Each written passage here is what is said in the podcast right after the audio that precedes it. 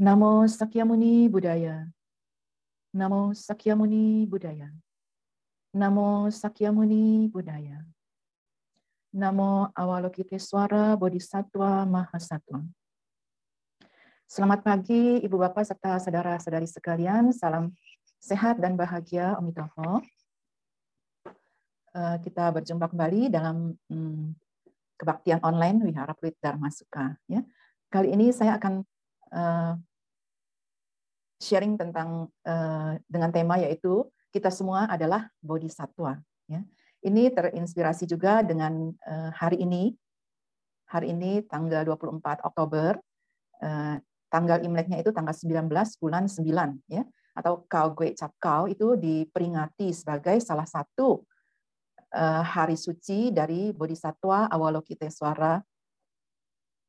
Uh, jadi dalam setahun itu ada tiga hari suci yang diperingati, yaitu pada bulan 2 tanggal 19, bulan 6 tanggal 19 dan kali hari ini bulan 9 tanggal 19. Semuanya uh, kalender Imlek ya. Nah, saya akan mengawali dengan uh, tiga buah cerita pendek dan sangat pendek. Sebuah cerita nyata, sebuah kejadian yang betul-betul terjadi. Ibu Bapak serta saudara sekalian, uh, sudah dua tahun terakhir ini saya tinggal di sebuah uh, tempat ya yang lokasinya cukup jauh dari Jakarta dan tepatnya itu eh, di sebuah eh, desa atau perkampungan ya. Jadi eh, mohon maaf juga kalau kadang-kadang sinyalnya suka putus karena sinyalnya di sini memang tidak terlalu baik gitu ya. Maklum jauh dari kota. Nah, di sini banyak hal menarik yang bisa saya temukan dan saya jadikan satu contoh atau satu pelajaran baik bagi diri saya sendiri maupun Eh, bagi orang lain. Ya. Nah, kisah yang pertama ini, kisah pertama dan kedua ini uh, hampir mirip. Yang pertama ini ada seorang ibu yang menjual kue, ya. Uh, di desa itu kan harga harga itu kan beda sekali dengan di kota ya, jadi murah sekali. Nah, satu saat ada seorang ibu membeli kue kepada penjual ini. Berapa bu harganya? Si ibu bilang seribu rupiah. Ya, saudara jangan heran ya. Mungkin kalau di Jakarta sudah tidak ada harga penganan atau makanan seribu rupiah, tapi di sini masih ada. Jadi, oh kalau gitu saya beli 10. Si pembeli ini mengatakan begitu. Baiklah, si penjual kemudian membungkus kuenya itu 1, 2, 3, sampai 10. Nah, kemudian waktu dia mau menyerahkan kepada pembeli, dia bilang, oh sebentar Bu, saya tambahkan satu nih. Gitu ya. Lalu si pembeli ini mendengar harga seribu saja, dia sudah kaget gitu ya karena ini juga orang kota ya. Jadi dia loh kemurah amat. Bu, tadi kan eh, saya beli 10. Iya nggak apa-apa saya tambahkan. Loh nanti ibu rugi gitu ya, kata si pembeli. Lalu si penjual ini dengan santainya bilang, enggak dong, saya mana bisa rugi, katanya dia. Saya nggak mungkin rugilah, dia bilang gitu ya, dengan memberikan ibu tambahan satu kue. Lagi pula, saya pikir nggak jadi orang nggak boleh pelit kali ya, kata si penjual seperti itu ya. Jadi si ibu ini cerita sama saya kisahnya seperti itu. Nah itu kisah yang pertama. Kisah yang kedua sama juga seorang penjual makanan kecil ya. Eh, dia suka datang ya suka menjajakan makanannya dan saya suka ajak bicara-bicara sedikit. Kemudian saya juga tanya-tanya gimana, apakah penjualannya baik gitu ya, laku dan sebagainya gitu ya. Saya suka memberi semangat. Cerita punya cerita, terus saya tanya juga, kamu bikin kue ini eh, bahan-bahannya bagaimana gitu kan? Apa dan apakah untungnya cukup untuk eh, membantu menunjang kehidupan keluarga? Dia bilang, Omitahutsu setiap kali jualan uh, boleh dikatakan hampir setiap kali itu laku semuanya ya. Dan banyak juga yang pesan kepada saya. Nah, kemudian memang sih untungnya uh, tidak banyak dia bilang. Dan juga ada tetangga saya bilang, "Kamu bikin kue ini uh, pakai apa? Pakai ini saja supaya uh, lebih murah tapi hasilnya lebih banyak. Dengan demikian, kamu bisa memperoleh keuntungan lebih besar." Ya, tetangganya ibu ini bilang gitu. Dia cerita sama saya, Terus tapi suhu saya ya yain saja tetangga saya bilang gitu, tapi saya tidak lakukan. Saya takut suhu. Nanti kalau memang sih kalau saya pakai bahan itu eh, keuntungan saya akan lebih besar ya. Tapi rasanya kan nanti orang kalau makan itu terus nanti dia bisa sakit gitu ya, artinya bisa membawa dampak kurang baik lah untuk orang yang terus-terusan memakan makanan tersebut gitu ya. Karena ya adanya tambahan katakanlah bahan-bahan kimia yang kurang friendly gitu ya. Kurang ramah buat kesehatan kita jadi dia bilang, jadi saya nggak apa-apa, saya untung sedikit saja. Yang penting saya tidak membuat orang menjadi sakit gitu atau melukai orang. Nah, si ibu penjual kue ini bercerita begitu kepada saya. Terus cerita yang ketiga yang terakhir. Ya. Eh, di seperti di semua lingkungan daerah ya tentunya di sini ada struktur kepemerintahan ya dari kelurahan, camat, RW dan RT. Nah, kebetulan ini RT, Pak RT di lingkungan saya ini tinggal berdekatan ya dengan kami di sini. Nah, eh, dari beberapa kali kejadian ya dari beberapa kali cerita dia membagi kepada kita ya. Dia suka bicara kemudian kita eh, apa menanggapi dan jadi tahu gitu ya kejadiannya. Jadi ceritanya begini, kalau di daerah, kalau di kota itu kan misalnya kita mau urus surat-surat, apalagi sekarang sudah di ya kantor-kantor pemerintah, maka biasa KTP dan sebagainya kita urus ke uh, instansi terkaitnya, gitu kan? Nah, kalau di desa masih berlaku sebagai RT itu dia harus membantu melayani warganya. Jadi misalnya urus KTP, surat pindah, surat apa keterangan mau menikah dan sebagainya sebagainya gitu ya. Warga ini tinggal datang ke ketua RT. Lalu RT-nya ini tolong bikinin ini ini, ini. Jadi RT-nya inilah yang pergi ke kantor desa atau kelurahan untuk mengurus surat-surat warganya ini. Sudah selesai dia kembalikan ke warganya. Terus ada seorang ibu-ibu suka uh, meledek ya RT. Wah, repot nih ya urus surat-surat lumayan dong nih gitu ya pemasukannya gitu ya. Jadi maksudnya ibu ini dengan dia setiap kali membantu warga mengurus surat dan sebagainya, tentu dia akan mendapatkan imbalan gitu kan. Dia bisa mengenakan oh kalau urus surat ini kasih uangnya sekian sekian gitu. Terus si Pak RT ini bilang, "Wah, maaf Bu, memang sih pada kenyataannya sekarang ini saya banyak urus surat-surat ya, kemudian saya sering kali harus mengeluarkan uang sendiri karena dia urus ke kantor yang lebih tinggi dalam hal ini kantor desa misalnya, dia kadang-kadang suka membelikan apa kopi lah dan sebagainya gitu ya sebagai eh, sebagai apa ya ya eh, oleh-oleh lah sepan santun gitu ya kepada pegawai-pegawai di sana supaya juga lebih eh, lebih lebih ramah lebih bisa membantu loh kamu nggak pernah eh, meminta kepada warga kalau urus ini bayar berapa gitu wah nggak deh bu dia bilang begitu ya nggak seperti itu kalau mereka kasih mungkin saya terima ya. tapi untuk meminta saya tidak akan pernah meminta Ya. Nah, sama juga kejadiannya itu mengenai surat-surat. Kejadian lain adalah di sekitar kita ini ada satu badan usaha katakanlah semacam apa pabrik kecil lah gitu ya. Nah, kemudian atasannya si Pak RT ini dalam hal ini orang katakanlah desa gitu ya, bilang kepada Pak RT ini, "Wah, di lingkungan kamu ada beberapa uh, usaha gitu kan, bidang usaha, ada orang yang menjadi pengusaha di sini. Boleh dong," katanya gitu sih. Atasannya itu bilang begini. Nah, si ketua RT ini paham kan maksudnya uh, atasannya itu apa. Jadi artinya ya ada semacam uh, ya hadiah dan sebagainya lah gitu ya untuk mereka. Nah, terus kemudian si ketua RT ini langsung mengatakan, "Waduh, maaf Pak. Memangnya Bapak mau?" Katanya e, menerima begitu. Kalau saya sih tidak mau katanya. Jadi RT ini dengan beraninya mengatakan hal itu kepada orang yang notabene adalah atasannya. Ya. Saya tidak mau katanya dia kan gitu. Kalau mereka mau kasih ya saya terima, tapi kalau untuk minta saya tidak mau. Nah, begitulah kisah si ketua RT ini dia cerita kepada si ibu. Dia bilang sama si ibu sambil ketawa juga, dia bilang, Bu, bukan apa-apa, saya sih kalau sampai saya minta-minta, eh, kalau diumpamakan seperti orang makan, nanti saya bisa ketelak.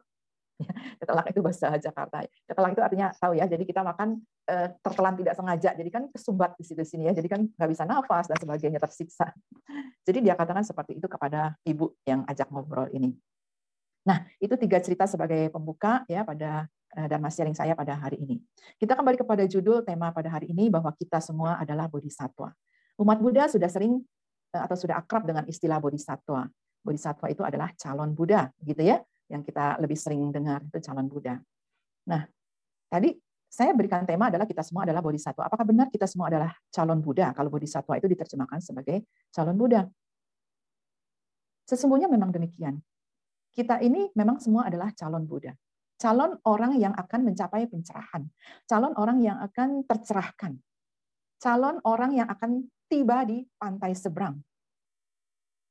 Itu semua istilah-istilah untuk mencapai pencerahan, mencapai kesucian tertinggi. Kita semua ini calon. Kan bedanya kita sama Buddha itu beda-beda tipis, beda tebal. Ya, Buddha sudah sadar, kita belum sadar. Begitu kan? tapi kita semua akan menuju ke arah di mana Buddha berada. Ya, kita semua berada di dalam trek menuju ke sana. Tentu saja perjalanan menuju ke sana itu sangat panjang. Ya. Bahkan sebagian umat eh, sering kali eh, apa pesimis gitu ya. Wah, su, saya tidak berpikir tentang ke pantai seberang. Saya tidak berpikir untuk mencapai arahat. Saya tidak berpikir untuk mencapai kebudahan. Uang hidup sehari-hari saja sudah sulit, gitu ya. Memang betul perjalanan ke sana itu sangat panjang. Ya, kalau kita lihat dari posisi kita sekarang. Namun seperti uh, ujar dari Lao Tzu, ya, uh, Lao Tzu itu digelari Nabi tua ya dari Tao, ya, beliau mengatakan perjalanan ribuan mil dimulai dengan langkah kaki pertama. Jadi artinya nggak peduli berapa panjang perjalanan kita, tapi kalau kita mau melangkah, mau mengangkat kaki dan melangkahkan kaki pertama sampai ke tujuan akhir. Atau eh, rasanya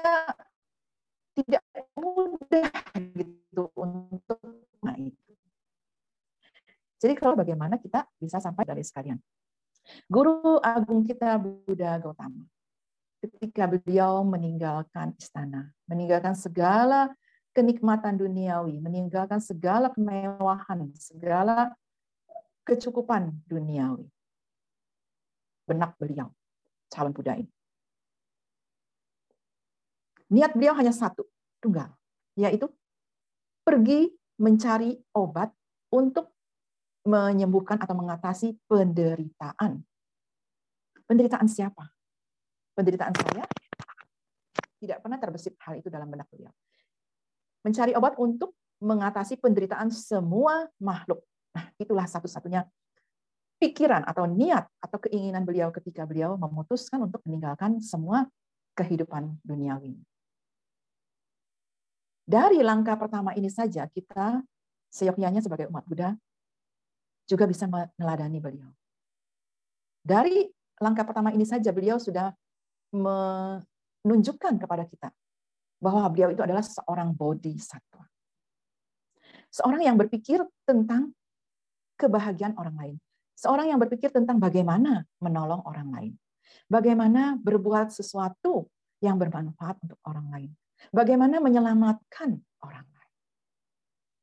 Ini sudah satu contoh yang sangat-sangat jelas sekali bagi kita. Beliau pergi bukan untuk kepentingan diri sendiri, tidak ada. Semata-mata demi mengatasi penderitaan semua makhluk agar semuanya terbebas dari uh, lahir, tua, sakit, mati. Ya, itulah so, sebuah uh, pemikiran seorang calon Buddha, seorang bodhisattva. Nah, Lalu kita sebagai umat Buddha, sebagai orang yang memiliki keyakinan kepada Buddha, kepada Dharma, pada Sangha, pada Triratna. Kalau kita masih ragu-ragu atau berleha-leha gitu ya, bagaimana kita bisa menyebut diri kita sebagai pengikut Buddha? Bagaimana kita bisa menyebut diri kita sebagai orang yang uh, mempelajari Dharma? Ya, langkah beliau sudah sangat jelas bahwa sebagai umat Buddha kita menjalani apa yang disebut jalan bodhisattva. Jalan untuk menyelamatkan semua makhluk. Semua makhluk tentu saja termasuk diri kita sendiri. Kita kan makhluk juga, ya kan? Jadi kalau ada orang bilang, wah suhu mendoakan semua makhluk, diri sendiri nggak didoakan. Siapa bilang? Memangnya saya bukan makhluk. Jadi kita termasuk di dalam semua makhluk tersebut. Ya. Jadi kita mendoakan semua makhluk untuk berbahagia. Melakukan sesuatu untuk kebaikan semua makhluk. Nah, lalu sekali lagi ini eh, eh, apa fenomena yang sering terjadi di kalangan umat Buddha. Merasa pesimis.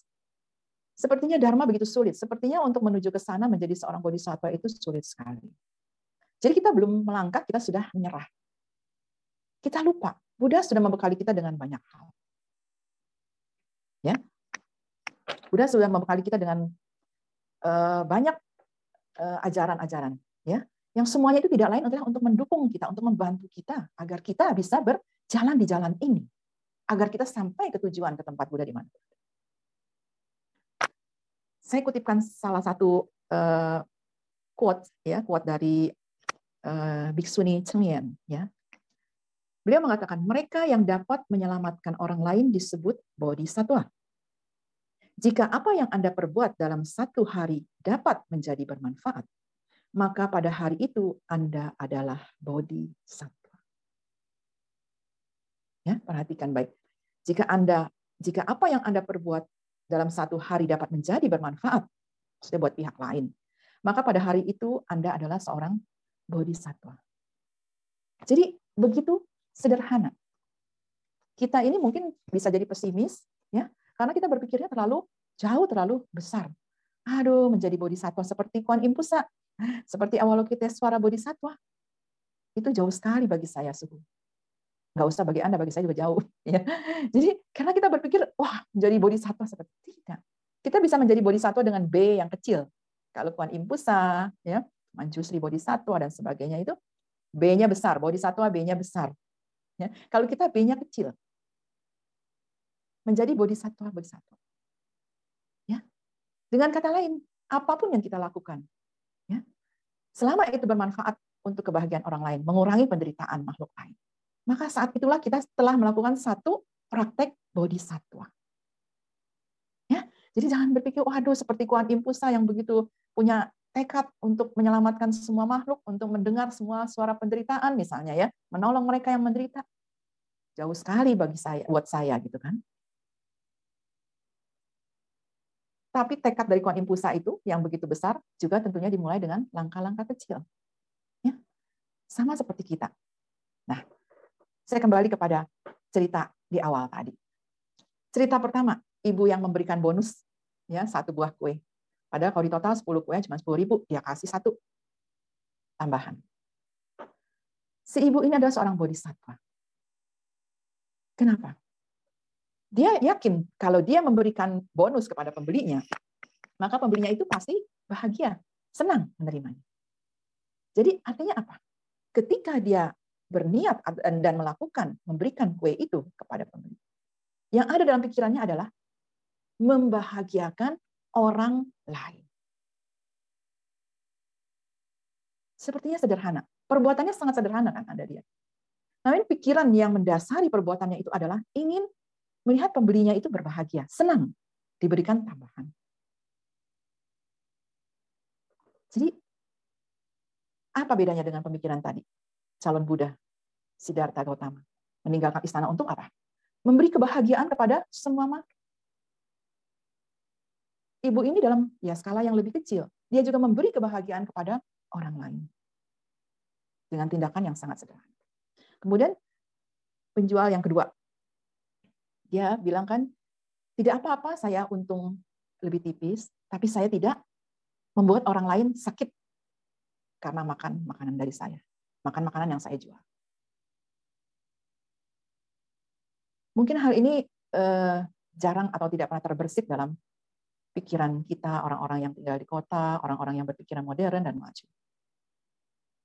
Malah kita lihat kan banyak sekali produk-produk eh, apa consumer goods jadi makanan dan sebagainya itu yang malah menggunakan barang-barang yang seharusnya tidak digunakan ya, tapi demi mendapatkan keuntungan yang besar, para penjual, para produsen melalaikan hal itu. Yang penting saya untung banyak.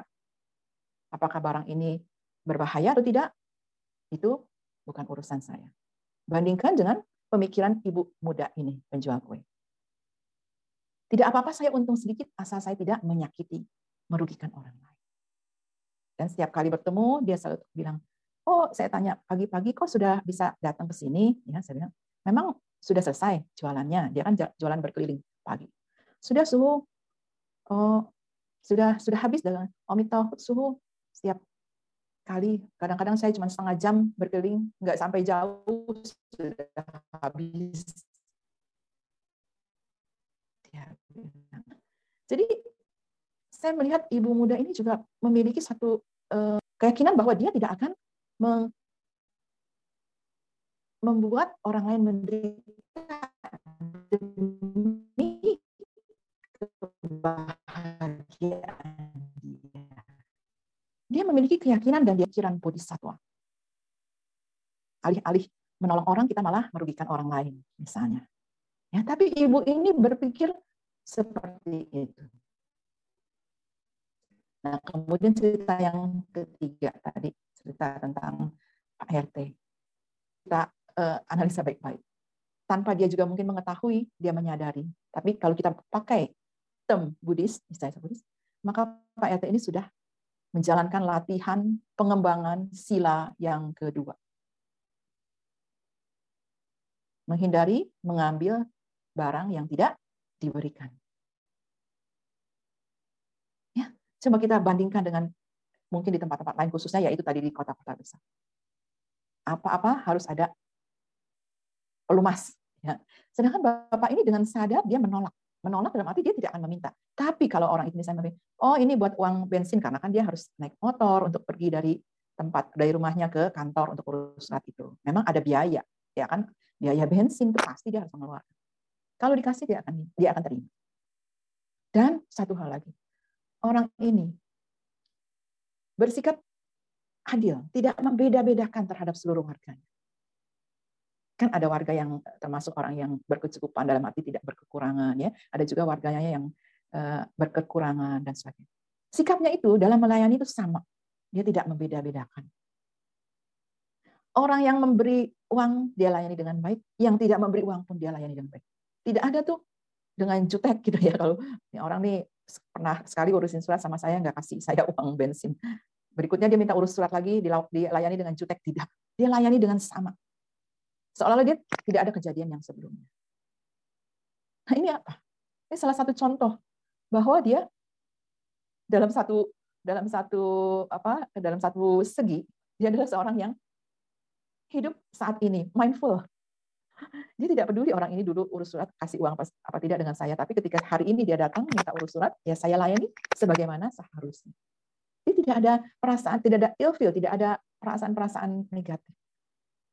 Dia sebagai uh, apa apa namanya uh, pelayan masyarakat ya dia lakukanlah tugasnya sebagai pelayan masyarakat. Ya jadi cerita ini ingin saya ya telah saya bagikan kepada anda semua bahwa yang namanya bodhisatwa itu ada di mana-mana yang namanya kebijaksanaan itu ada di mana-mana ya bisa berkembang kepada semua lingkungan semua orang karena sesungguhnya memang kita semua ini adalah memiliki apa yang disebut benih kebudahan. Ya. Memang kalau seperti uh, Buddha, ya Buddha Siddhartha Gautama, beliau dalam kehidupannya terakhir tentu beliau sudah menyempurnakan paramita sehingga beliau kehidupannya tentu memang sangat berbeda dari kita ya dalam kehidupan beliau terakhir. Kita mungkin beliau kan sudah sempurna paramitanya. Kalau kita mungkin paramitanya baru sedikit-sedikit. Satu paramita pun mungkin cuma sekian persen, sekian persen, sekian persen. Nah, dari kenyataan seperti ini bahwa kita ini yang sedang berjalan ya di jalan bodhisatwa menuju jalan kebudahan, menuju pantai seberang. Seringkali kita ini kemudian satu sama lain bukannya memberi dukungan. Ya, sebaliknya kita malah suka menjatuhkan. Menjatuhkan teman-teman kita sedharma, teman-teman kita seperjalanan. Misalnya ada orang yang melatih diri ya dengan melakukan satu hal. Terus kemudian kita bilang, kamu ya melatih diri seperti itu, tapi kamu masih eh, eh, misalnya eh, bermata pencaharian yang tidak dianjurkan dalam agama Buddha, atau kamu masih bersikap kasar kepada orang lain, padahal kamu katanya melatih diri dalam hal ini. Nah, itu yang sering kita lakukan. Alih-alih kita mendukung, memuji sahabat kita ini, oh ya, kamu latihan ini, oh bagus sekali gitu ya, ayo terus tingkatkan dan sebagainya. Kita malah menjatuhkan dia. Itu yang sering terjadi di antara kita. Jadi kita yang calon Buddha ini, kita yang uh, bodhisatwa ini, dalam praktek keseharian hidup kita, ternyata kita tidak menjalankan praktek-praktek yang seharusnya dilakukan seorang bodhisatwa. Ya, seperti tadi kisah Pak RT. Dia menjalankan sila yang kedua dengan sadar, dengan penuh keyakinan. Mungkin di antara kita ada yang kalau bisa dapat ya kalau bisa kita dapatkan mengapa harus di, dilepas atau harus di kalau kita bisa dapat gratis kenapa harus bayar misalnya nah itu termasuk pemikiran-pemikiran seperti itu jadi walaupun kita hafal Pancasila ya kan kita hafal dengan uh, Maitri Karuna Mudita UPK tapi seberapa banyak yang bisa kita laksanakan dari apa yang kita ingat dan kita hafal tersebut. Ya. Saya kutipkan satu ayat dari Dhammapada. Bab pertama, syair 19 dan 20. Biarpun seseorang banyak membaca kitab suci, tetapi tidak berbuat sesuai dengan ajaran. Maka orang lengah itu sama seperti gembala sapi yang menghitung sapi milik orang lain.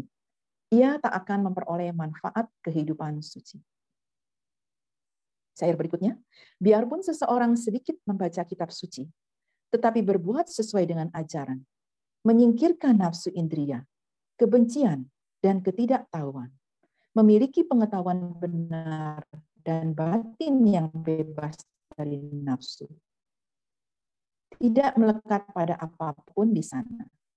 Maka ia akan memperoleh. Nah ini seperti yang tadi saya katakan bahwa Buddha membekali kita dengan banyak sekali uh, apa sabda-sabda atau ayat-ayat yang menjadi pendukung bagi kita untuk kita berada terus di jalan ini, di jalan bodhisattva ini. Agar kita tidak menyimpang, tidak menyeleweng, tidak keluar dari tracknya. Banyak sekali, asalkan kita mau. ya Itu semuanya serba ada. Buddha sudah menyediakan semuanya, tinggal kita menggali. Buddha tidak akan membiarkan kita berjalan sendirian. Ya, artinya tanpa uh, bimbingan, ya tanpa panduan, tanpa bantuan. Beliau sudah menyediakan segalanya untuk kita bisa berjalan di jalan ini, jalan yang juga beliau lalui.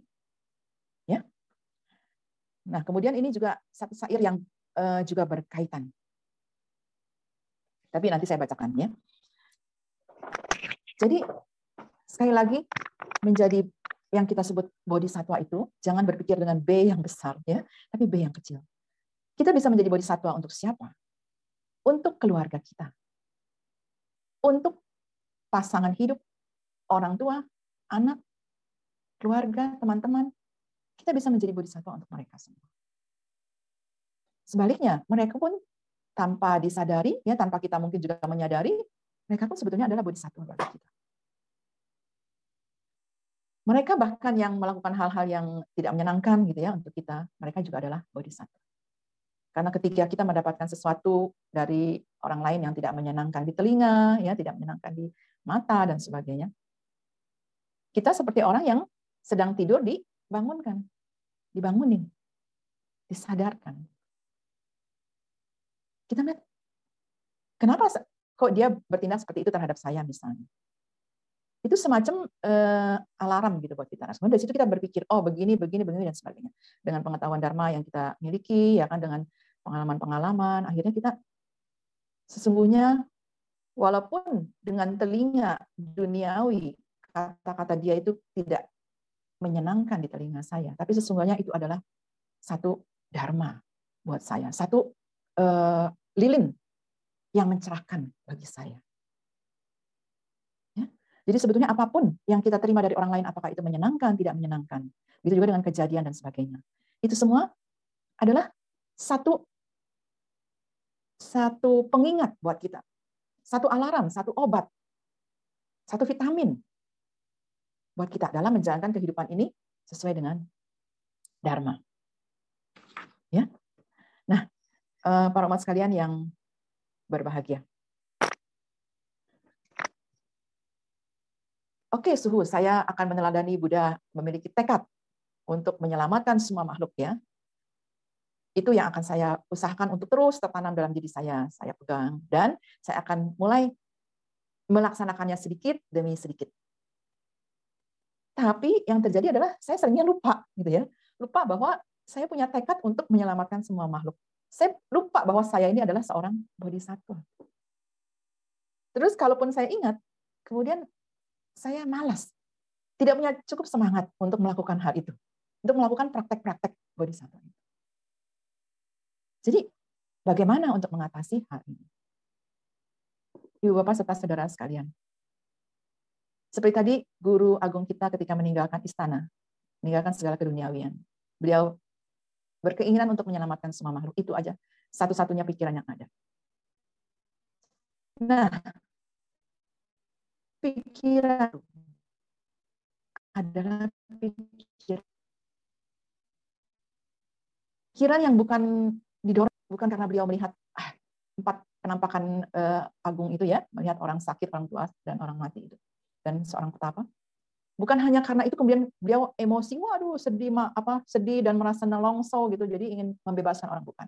Tapi beliau sudah menganalisa, memikirkannya ulang dan ulang, melihat lagi uh, bukti-bukti ketidakkekalan dan sebagainya. Jadi baru beliau bertekad, saya harus menyerahkan. Jadi tekad itu diambil dengan kesadaran dengan pikiran yang sadar. Nah, balik ke pertanyaan tadi. Ya, jadi bagaimana nih suhu kalau saya bagaimana kita menjaga tekad kita?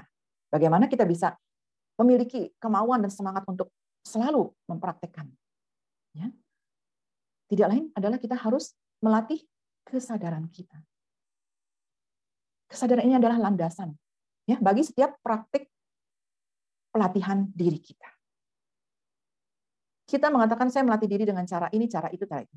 Tapi kalau latihan itu dilakukan tanpa dilandasi oleh kesadaran, itu akan menjadi kurang bermanfaat. Membawa manfaat hanya kecil sekali. Menggabungkan itu dengan kesadaran. Contohnya misalnya, dari tadi saya berbicara tentang perbuatan-perbuatan yang tidak menyakiti orang, berbuat baik dan sebagainya. Sekarang latihan-latihan Misalnya, ada orang yang latihan melatih batinnya, ya, di samping tentunya berbuat baik dan sebagainya, sebagainya, menjalankan sila, dia juga melatih diri, misalnya dengan rajin baca parita, dengan rajin meditasi, dengan rajin uh, melafal nama Buddha, nama Bodhisattva, misalnya.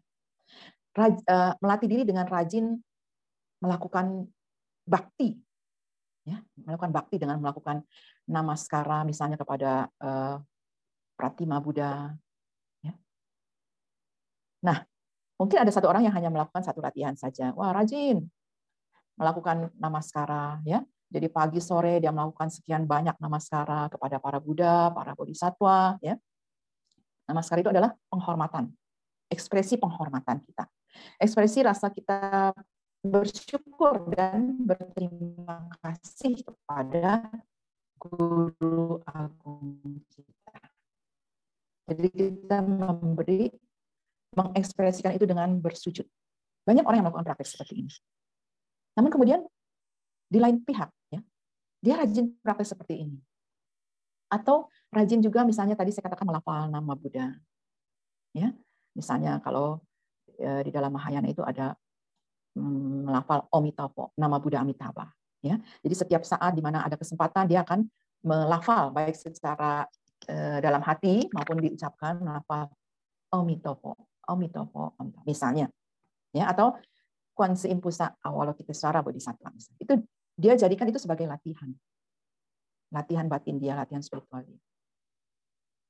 Sangat tekun melakukan hal itu. Ya. Namun dalam kehidupan sehari-harinya, dia ini memiliki banyak karyawan, pegawai. Nah, kalau dalam pekerjaan, dia sering kali kemudian memarahi karyawannya. Gitu ya. ya memarahi tentu saja hal yang wajar, artinya mengoreksi, gitu kan ya, menegur, mengoreksi itu adalah hal yang wajar. Tapi yang kurang tepat adalah memarahi dengan melontarkan kata-kata atau dengan menunjukkan sikap yang kasar, yang kemudian bisa menyakitkan orang yang mendengarnya atau menerimanya. Nah, terus kita nih sebagai temannya, sebagai orang yang kenal, sebagai sesama teman wihara, kita tahu nih dia latihan latihan apa melafal nama Buddha disebutnya Nienpo ya. Atau dia rajin namaskara pagi sore karena dia ada altar Buddha dan dia rajin namaskara. Kita nih kemudian bilang, percuma kamu bernama skara ratusan kali tiap hari. Percuma kamu melafal nama Buddha ratusan kali setiap hari. Kalau kamu masih mengeluarkan kata-kata yang kasar atau bertindak atau bersikap kasar kepada orang lain. Nah, ini sikap yang sering terjadi atau yang banyak terjadi di antara kita. Kita mengoreksi orang lain, mengkritik orang lain, menghakimi orang lain. Tapi kita lupa untuk melihat ke dalam diri kita. Teman kita ini udah praktek nama Sara ratusan kali tiap hari. Udah praktek eh, melafal nama Buddha ratusan kali sehari. Bagaimana dengan saya? Oh, saya meditasi, Su. Ya, pertama kita lihat apakah kita ini juga sudah melakukan latihan-latihan batin. Teman kita sudah sudah ada di depan kita melakukan satu latihan-latihan yang rutin, dia yakini dan dia tekuni dengan rajin. Sedangkan kita yang yang ngomong nih, yang berkomentar ini nggak melakukan apa-apa. Yang penting mah saya tidak berbuat jahat, tidak menyakiti orang, sudah cukup. Apakah kita orang yang pantas untuk mengatakan hal-hal tadi kepada teman kita yang telah melakukan latihan-latihan Dan apakah kata-kata yang kita ucapkan itu benar? Percuma kamu melakukan hal-hal ini kalau kamu masih berkata kasar atau bersikap kasar kepada orang lain. Ya. Nah, ini saya kutipkan uh, syair dari Dhammapada bab 8 syair 111 111. Walaupun seseorang hidup 100 tahun tetapi tidak bijaksana dan tidak terkendali, Sesungguhnya lebih baik adalah kehidupan sehari dari orang yang bijaksana dan tekun bersama. Walaupun seseorang uh, syair 112, walaupun seseorang hidup 100 tahun tetapi malas dan tidak bersemangat, maka sesungguhnya lebih baik kehidupan sehari dari orang yang berjuang dengan penuh semangat. Dalam satu hal, sahabat kita tadi ini, dia adalah orang yang telah berjuang. Berjuang apa? Melatih diri dengan alat atau dengan metode yang dia yakini. Dia adalah orang yang berjuang. Kemudian, dia adalah satu hari setiap hari kan dia melakukan harinya diisi oleh latihan. Maka hari-hari yang dia isi dengan latihan ini? Di lain pihak, ya, dia mungkin masih belum bisa menjaga sikapnya atau kata-kata yang keluar dari mulut. Tapi apakah semua latihan yang dilakukan itu percuma? Tentu saja tidak. Nah, bagaimana kita sebagai seorang sahabat? Kita alih-alih kita mengatakan kamu percuma melakukan hal-hal seperti itu kalau kamu juga masih bersikap seperti ini. Alih-alih mengatakan demikian, kita sebaiknya berkata, wah saya salut sama kamu. Setiap hari, pagi, sore, tidak pernah absen ya. Bernama Skara, Nienfo, latihan. Saya yakin itu akan menghasilkan buah karma yang baik sekali.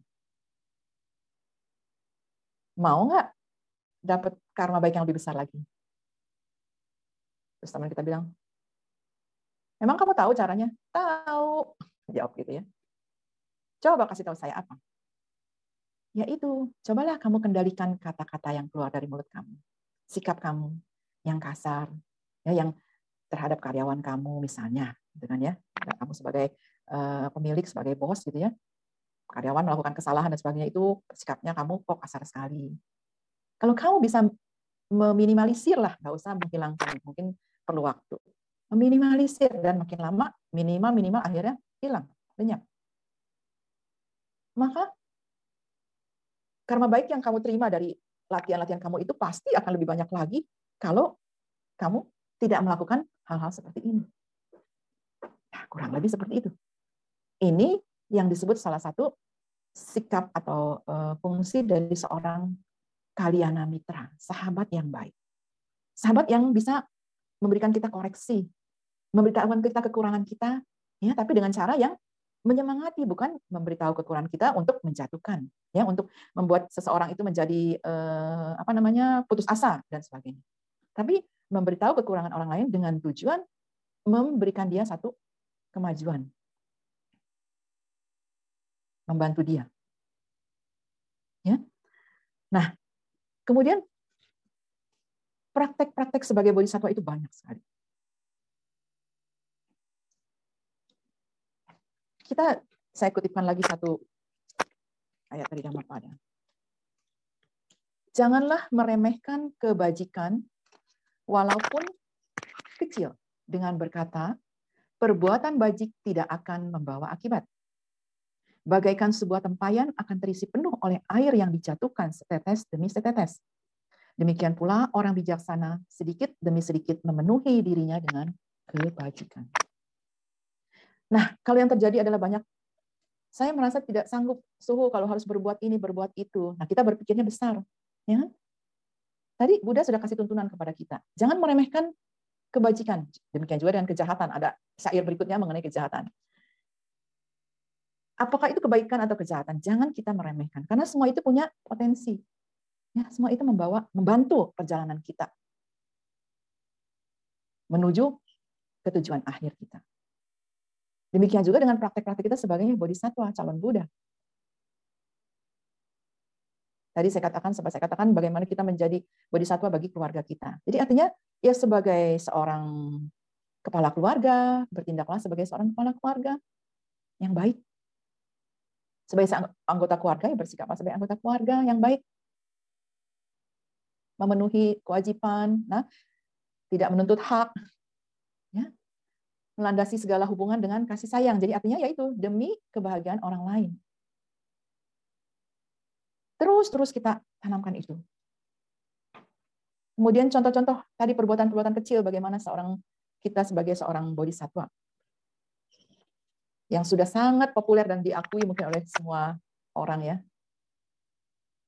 Memberikan keramahan kepada orang lain. Dengan kita menunjukkan sikap ramah, senyum, dengan kita berwajah ceria pada orang lain, saat itu kita sudah jadi bodhisattva. Kita sedang bertindak sebagai bodhisattva. Kita memberikan kegembiraan, kebahagiaan buat orang lain. Cuman asal tempatnya yang tepat ya. Jangan kita pergi ke rumah duka kemudian kita senyum-senyum misalnya. Tentunya saja tidak memberikan kebahagiaan buat orang yang yang sedang berduka. Jadi artinya eh, dengan wajah yang ceria saja, dengan senyum saja kita sudah bisa melakukan praktek bodhisattva. Dengan kita menghemat energi dalam kehidupan kita sehari-hari. Penggunaan-penggunaan sumber alam. Ya, dalam kehidupan kita di rumah tangga nih masing-masing di rumah masing-masing, kita menghemat dengan sepantasnya ya penggunaan barang seperti air, listrik dan sebagainya. Oh, saya mampu bayar kok suhu.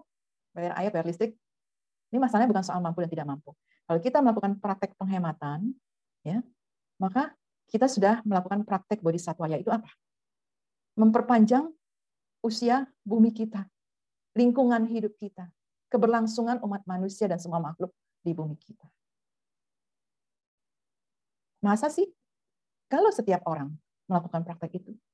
Nah, sekarang apa yang terjadi ketika para ahli mengatakan bumi kita sudah kondisinya memprihatinkan, ya kan Itu kenapa? Ya karena kontribusi dari setiap orang menghambur-hamburkan sumber daya alam dengan dalih saya mampu kok membayar. Masalahnya bukan mampu tidak mampu membayar. Ini bicara untuk kepentingan yang lebih besar, yaitu kepentingan bersama, kehidupan kita bersama di bumi ini. Nah, juga ada satu uh, anjuran dari uh, Biksuni Cengyen, ya, Master Cengyen, yang sangat menggugah. Beliau katakan, berusahalah kalau kita makan itu 80% kenyang. Jadi tidak usah full 100%. Yang 20% itu kita dedikasikan untuk saudara-saudara kita yang saat ini tidak bisa memperoleh makanan atau yang kelaparan. Lah, bagaimana? Bagaimana bisa nyambung? Secara eh, secara apa namanya? secara pikiran, ya, secara kekuatan pikiran. Kita man, saya cukup makan seperti ini, yang 20% dari jatah yang seharusnya masih bisa muat di perut saya, saya dedikasikan untuk saudara-saudara kita yang kelaparan. Itu sama seperti kita melakukan pelimpahan jasa. Ya, Jadi kita sampaikan pikiran itu. Semoga saudara-saudara kita di mana yang kelaparan, terbebas dari kelaparan. Dan saya mengorbankan, apa melakukan pengorbanan, tanda kutip ya, melakukan pengorbanan dengan makan hanya 80% saja dari porsi yang seharusnya. Nah, terus kalau bicara materi, kalau semua orang atau sebagian besar orang makan hanya 80%, tentunya banyak sumber daya, ya kan, sumber makanan itu yang bisa di dihimpun atau bisa dihemat, bisa di save, bisa diselamatkan. Ya, kemudian ini bisa di di share, dibagikan kepada orang-orang yang membutuhkan. Itu secara materinya. Itu secara pikiran kita sudah melakukan satu dedikasi satu pelimpahan. Menginginkan orang lain terbebas dari penderitaan. Kita sudah melakukan satu pemikiran bodhisattva. Membantu orang lain terbebas dari penderitaan. Ya. Nah, saya rasa cukup sampai sini ya waktunya sudah habis. Saya ingin menyimpulkan sedikit. Jadi dengan tema yang saya sampaikan pada hari ini yaitu agar kita dapat terus menanamkan atau memperkuat tekad kita sebagai calon Buddha. Itu kita harus camkan bahwa kita semua adalah calon Buddha, bahwa kita adalah seorang bodhisattva, bahwa kita adalah orang yang jalan di jalan kebudahan. Ya, kita semua akan menuju ke pantai seberang, pantai seberang tempat yang sama di mana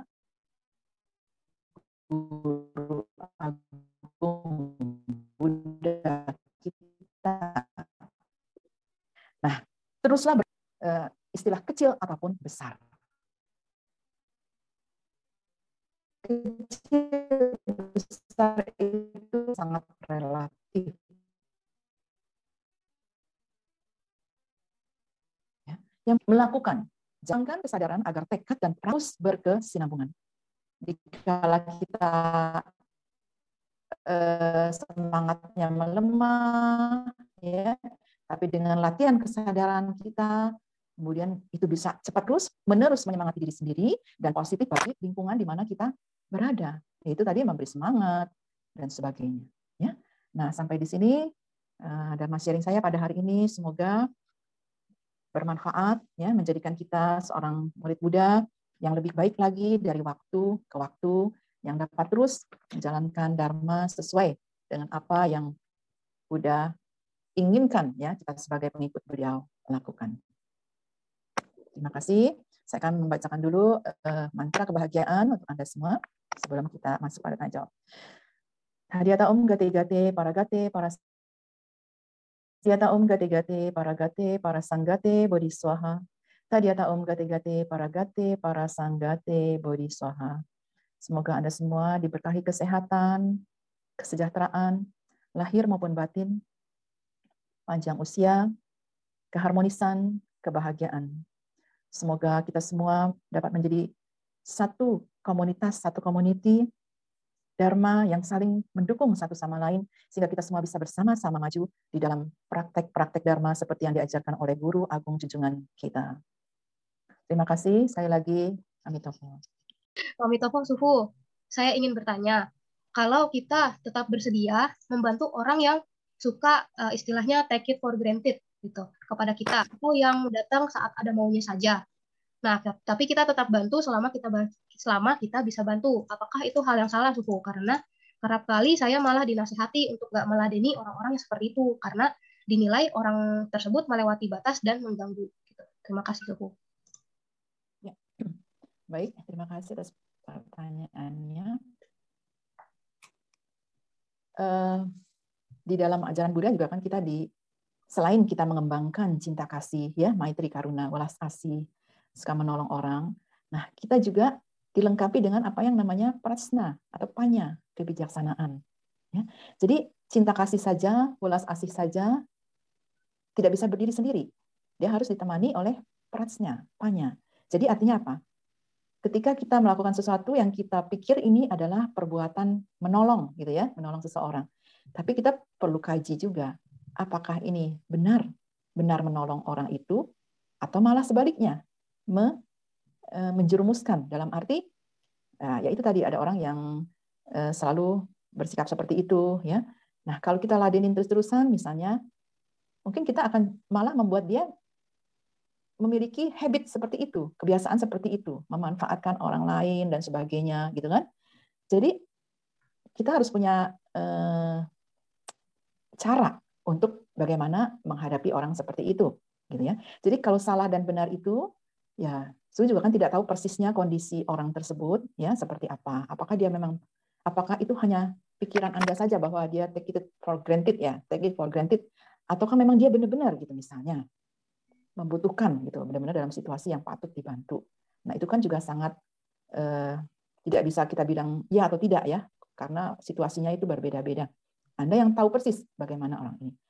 Kalau setelah menyelidiki ternyata memang orang ini ya seperti itu, ya tentu sikap kita yang paling baik adalah mencari cara menghentikan hal itu. Bagaimana? Salah satunya ya mungkin dengan memberi dia masukan atau nasihat. Ya. Kedua juga mungkin dengan menghentikan eh, bantuan kita kepada dia. Jadi dengan dalih apa pun biasanya dia akan berusaha apalagi sudah ber, dibantu gitu kan oleh berusaha mati-matian dengan segala cara lagi kita mesti punya cara gitu bagaimana tentu caranya jangan yang eh, menyakiti atau kasar ya cara yang baik. Saya dengan memberi contoh kamu misalnya terus-menerus seperti ini maka ini akan menjadi satu kebiasaan buruk. Nanti dalam keadaan apa pun kamu maunya seperti itu, gitu kan? Maunya hanya meminta, memanfaatkan orang dan sebagainya. Tidak punya keinginan untuk berjuang sendiri dan sebagainya. Ya tentunya kata-kata ini eh, bisa diubah sesuai ya bagaimana hubungan Anda dengan orang itu ya tentu kan membedakan cara kita berbicara, cara kita menyampaikan eh, perasaan atau nasihat-nasihat kita. Ya kalau cukup akrab ya mungkin bisa dengan bahasa yang santai begitu ya kalau kurang terlalu ini ya dengan kata-kata yang dijaga supaya tidak menyakiti misalnya. Jadi tidak ada istilah salah yang dan benar secara uh, mutlak, tapi apakah itu sesuai dengan waktu, tempat, dan kondisinya. Nah, siapa yang paling tahu? Ya Anda sendiri yang berhadapan dengan orang tersebut. Ya. Orang lain memberitahukan, oh jangan begini ini itu boleh saja sebagai masukan, tapi tetap kita sendiri yang harus menganalisa, menelaah ya dengan masukan dari teman kita seperti itu dengan kondisi yang kita selidiki lah orang ini seperti apa nah baru kita ambil satu keputusan. Karena ya itu tadi kadang-kadang perbuatan ini sepertinya menolong gitu ya tapi ternyata ya tanpa kita sadari pertolongan kita membuat dia menjadi tergantung ya menjadi mengandalkan orang lain menjadi malas misalnya tidak mau berusaha dan sebagainya sebagainya ya. Jadi tidak sesederhana seperti yang kita uh, perkirakan ya itu dari jawaban dari saya. Terima kasih. Mudah-mudahan ada manfaatnya. Selamat pagi, nama budaya suku. Sebelumnya mohon maaf kalau pertanyaan saya sedikit luar pembahasan damai yang disampaikan oleh suku hari ini. Saya ingin bertanya, apakah boleh jika altar altar untuk orang tua dan kian tikong digabung menjadi satu karena alasan keterbatasan ruangan yang ada? Mohon pencerahannya. Terima kasih suku. Altar kian tikong, ya, dengan altar orang tua ya.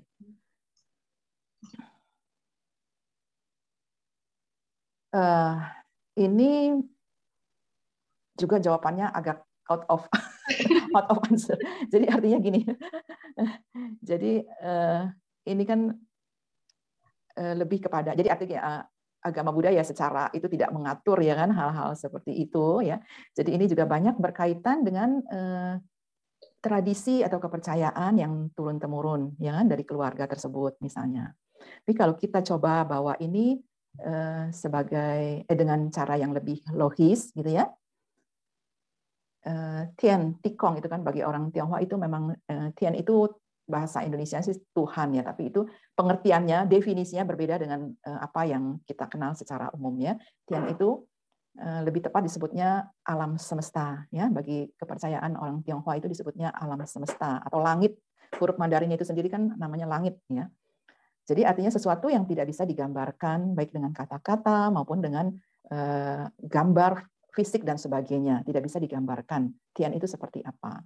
Tapi orang Tionghoa itu uh, menghormat kepada Tian sebagai apa? Tianlah yang memberi kehidupan. Jadi Tian itu tadi saya katakan langit, ya langit. Sebetulnya bukan hanya Tian saja, tapi Tian dan uh, Ti, bumi, ya. Langit dan bumi itulah yang memberi kehidupan kepada kita. Ya, secara umum kan memang betul kan? Bumi ini yang memberi kehidupan kepada kita. Langit dan bumi memberi kehidupan kepada kita. Jadi orang Tionghoa menghormat, memberi penghormatan, ada sebayang tian. Tapi sekali lagi, definisi tian itu tidak sama dengan definisi eh, apa orang lain ya. Jadi tian dalam hal ini adalah sesuatu yang tidak bisa digambarkan. Nah, kalau dalam Taoisme itu dikatakan eh, tidak ada nama, ya, tapi Tao, Tao itu tian. Tao itu tidak ada nama, tidak bisa digambarkan, tapi dialah sumber dari segala sumber kehidupan. Tidak bisa digambarkan, didefinisikan artinya apa. Jadi Nabi Lao Tzu mengatakan dengan terpaksa ya, dengan terpaksa aku jadi beliau memberi nama ini adalah Tao gitu. Nah, dari kalimat itu kan menggambarkan bahwa memang yang disebut Tian atau Tao itu sesuatu yang sangat eh, di luar jangkauan pemikiran kita. Ya, kalau kita bandingkan di dalam agama Buddha itu ada yang uh, kitab Udana 8 ayat 3 itu kan ya, kurang lebih seperti itu. Nah, kemudian balik lagi tadi kepada meja persembahyangan. Nah, karena Tian dalam pandangan atau kepercayaan adalah seperti itu, sedangkan orang tua adalah uh, manusia seperti kita ya, yang melahirkan kita, maka logikanya menurut saya ya, itu tidak bisa disatukan. Meja persembahyangannya gitu ya. Jadi orang tua ya uh, orang seperti kita gitu kan. Sedangkan Tian itu eh, sesuatu yang bukan manusia ya di luar uh, jangkauan manusia sesuatu yang besar lah, tak tergambarkan dan sebagainya sebagainya. Jadi eh, kan kalau di di, di apa disatukan sepertinya kurang sepadan gitu ya. Kurang se ini kurang sepantasnya gitulah namanya. Nah, itu kira-kira jawaban dari saya.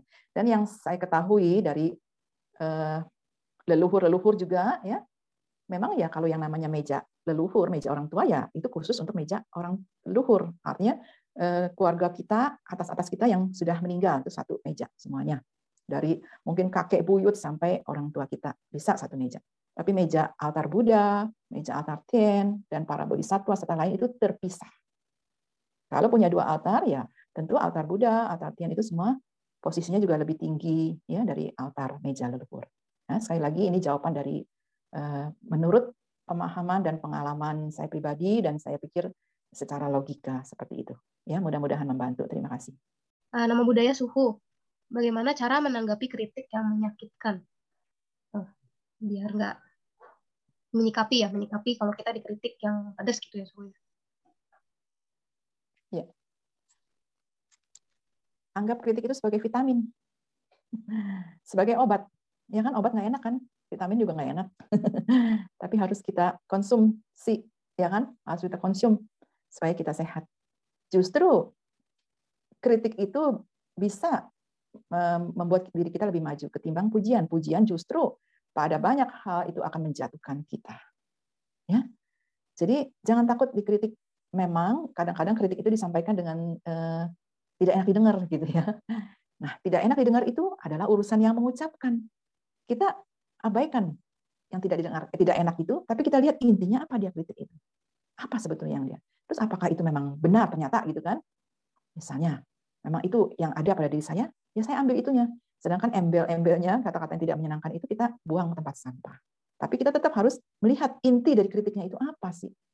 Dan kita juga bisa membedakan orang ini mengkritik untuk eh, membantu kita atau mengkritik memang karena dia didorong kebencian sehingga ingin membuat kita jatuh gitu kan, ingin membuat kita eh, ya apalah dikucilkan lah, dihina dan sebagainya. Pokoknya bertujuan negatif. Nah, itu juga harus kekuatan latihan kesadaran kita sangat membantu. Ya. Jadi kalau kita terbiasa tidak menyenangkan, ya, maka kita bisa menerima itu dengan ringan. Tapi kalau sebaliknya kita tidak pernah melatih kesadaran kita, kita akan sangat pandai membeda-bedakan antara enak, tidak enak, bagus, jelek, menyenangkan, tidak menyenangkan. Gitu. Ya. Kalau sekali lagi kalau kita melatih kesadaran kita sudah cukup, ya, maka apa pun yang datang itu kita sudah tidak terlalu peduli dalam arti tidak peduli apakah itu sesuatu yang menyenangkan atau tidak menyenangkan menurut istilah umum. Bagi kita itu kita udah langsung masuk ke intinya. Oh, apa yang ingin dia sampaikan dengan kata-kata yang menyenangkan itu? Apa yang ingin dia sampaikan sebetulnya dari kata-kata yang tidak menyenangkan itu? Ya. Dan sekali lagi, pujian itu berpotensi lebih besar untuk menjatuhkan kita ketimbang kritik.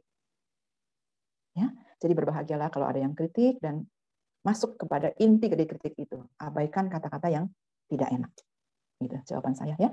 Semoga Anda lebih bisa menerima kritik maupun pujian yang datang. Terima kasih.